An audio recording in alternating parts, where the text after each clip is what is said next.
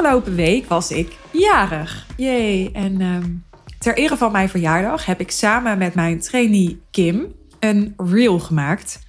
Die vind je terug op mijn Instagram, mocht je hem niet gezien hebben, op mijn feed. Een reel met 29 levenslessen. Nou, een van die 29 levenslessen was zelfbewustzijn is de grootste valkuil van persoonlijke ontwikkeling. En ja, daar kwam wat respons op. Ik kreeg daar wat berichten over. Mensen hadden zoiets van, nou, uh, wil je dat toelichten? Wat bedoel je daarmee? Of hoezo ervaar je dat zo? En toen dacht ik, ja, ik kan daar één op één helemaal op ingaan. Maar ik kan daar ook een podcast over opnemen. Want als er een aantal mensen een bericht over sturen, zijn er vast ook nog een aantal mensen die het denken, maar er geen bericht over sturen. En het is ook gewoon best wel een heel interessant onderwerp om het over te hebben. En in jouw geval nu naar te luisteren, wat mij betreft. Nou, ik moet zeggen, toen ik even nadacht over de insteek van deze podcast, toen dacht ik, ik heb het uh, mogelijk niet helemaal goed gezegd. Want kijk, zoals ik het zou omschrijven, persoonlijke ontwikkeling gaat over het ontwikkelen van je ego, het gezonder maken van je ego. Dat is nog iets anders dan spiritualiteit. Want je zou kunnen zeggen dat je. Nou, ik weet niet of ik het goed zeg als ik zeg dat spiritualiteit gaat over het ego ontstijgen. Want ik weet niet of echt ego kunnen ontstijgen, maar het gaat in ieder geval over een bewustzijn die uh, verder gaat dan identificatie met uh, het ego en alle ego-patronen die we ontwikkelen. Nou, de levensles die ik deelde, zelfbewustzijn is de grootste valken van persoonlijke ontwikkeling, die is geïnspireerd door Osho. Misschien heb je het me wel eens vaker over Osho gehad horen hebben. Ik denk het niet zo heel vaak.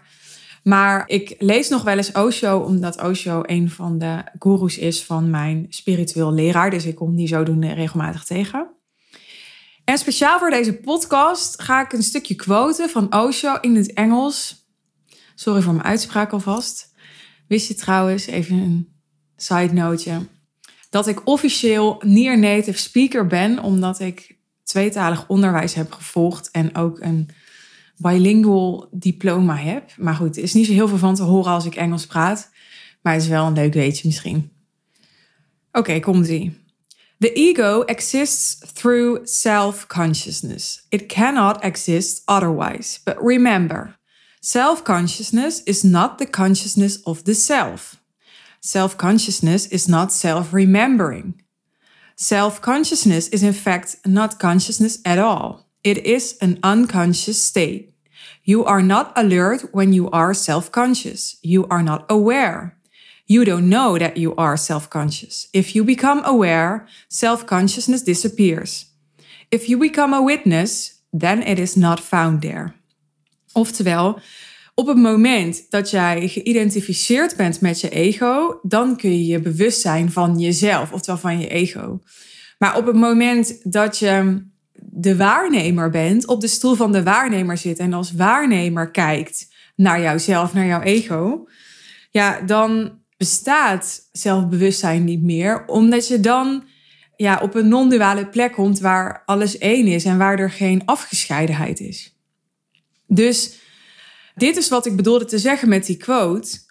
Vanuit het ego en vanuit de ontwikkeling van het ego kan zelfbewustzijn enorm helpend zijn, enorm veel inzicht geven en je enorm laten groeien en daardoor vervulling laten ervaren en lessen laten leren en een heel voorspoedig leven geven.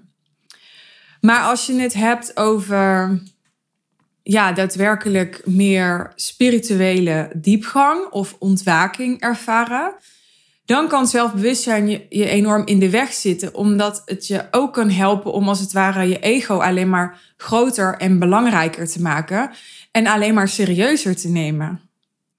Terwijl er nog een niveau is boven dat ego. Terwijl het ook weer heel gek is om in niveaus te praten. Want het gaat niet over niveaus, maar dimensies, zegt ze dan ook wel. Waarbij self-consciousness, zoals Osho zegt, helemaal niet meer bestaat. Dus even later in de tekst die ik net voorlas, zegt Osho: So self-consciousness is not a right word because consciousness is used in it and it is a very unconscious state. It will be better if you will allow me to call self-consciousness self-unconsciousness. Dus wat hij zegt is op het moment dat je je bewust bent van jezelf, dan ben je je niet bewust als waarnemer. Dus dan zit je niet in je hogere bewustzijn. Want dan ben je ehm, ja, geïdentificeerd met jou als persoontje, met jouw ikje. Dus dat is wat ik probeer uit te leggen. En dat is ook ja, alles wat ik er in deze aflevering over te delen heb. Het is maar een korte aflevering. Uh, want dit is de hele toelichting. Maar wel ja, één die ik leuk vond om als een van de 29 levenslessen te noemen. Ik had natuurlijk ook 209, wat zei ik nou, 39? 29, sorry, een van de 29 levenslessen te noemen. Ik had ook 229 levenslessen kunnen noemen, want ik heb zo gigantisch veel geleerd in dit leven, nog veel meer dan dat. Maar dit was er eentje die ik eruit pikte, omdat ik denk dat de vervolgfase op persoonlijke ontwikkeling is dat je doorziet dat persoonlijke ontwikkeling ook maar weer een soort spelletje is. En dat je dat eigenlijk juist niet zo heel serieus te nemen hebt. Wil je echt diep geluk ervaren. Omdat dat geluk hem niet zozeer zit in de ontwikkeling van het ego en het alsmaar beter doen en alsmaar groeien en uh, alsmaar uh, hè, meer succesvolle mensen om je heen, uh, een fitter lichaam. hè, want dat houdt nooit op. Dat, er is nooit een soort finish line waar je over gaat als het gaat over de ontwikkeling van het ego, waarbij je er bent of je het gemaakt hebt. Dus daar als een soort uh, ja, worst achterna lopen. ja, dat wordt op een gegeven moment vermoeiend. En dan zoek je naar een andere manier om wel dat geluk te ervaren in het leven. En dan kom je erachter dat dat hem dus niet zozeer in zelfbewustzijn zit. Nou, dat was mijn toelichting. Mocht je daarop willen reageren, ben je natuurlijk welkom om me even te DM'en. Ik hoop dat het interessant voor je was. Dankjewel voor het luisteren en heel graag tot de volgende podcastaflevering.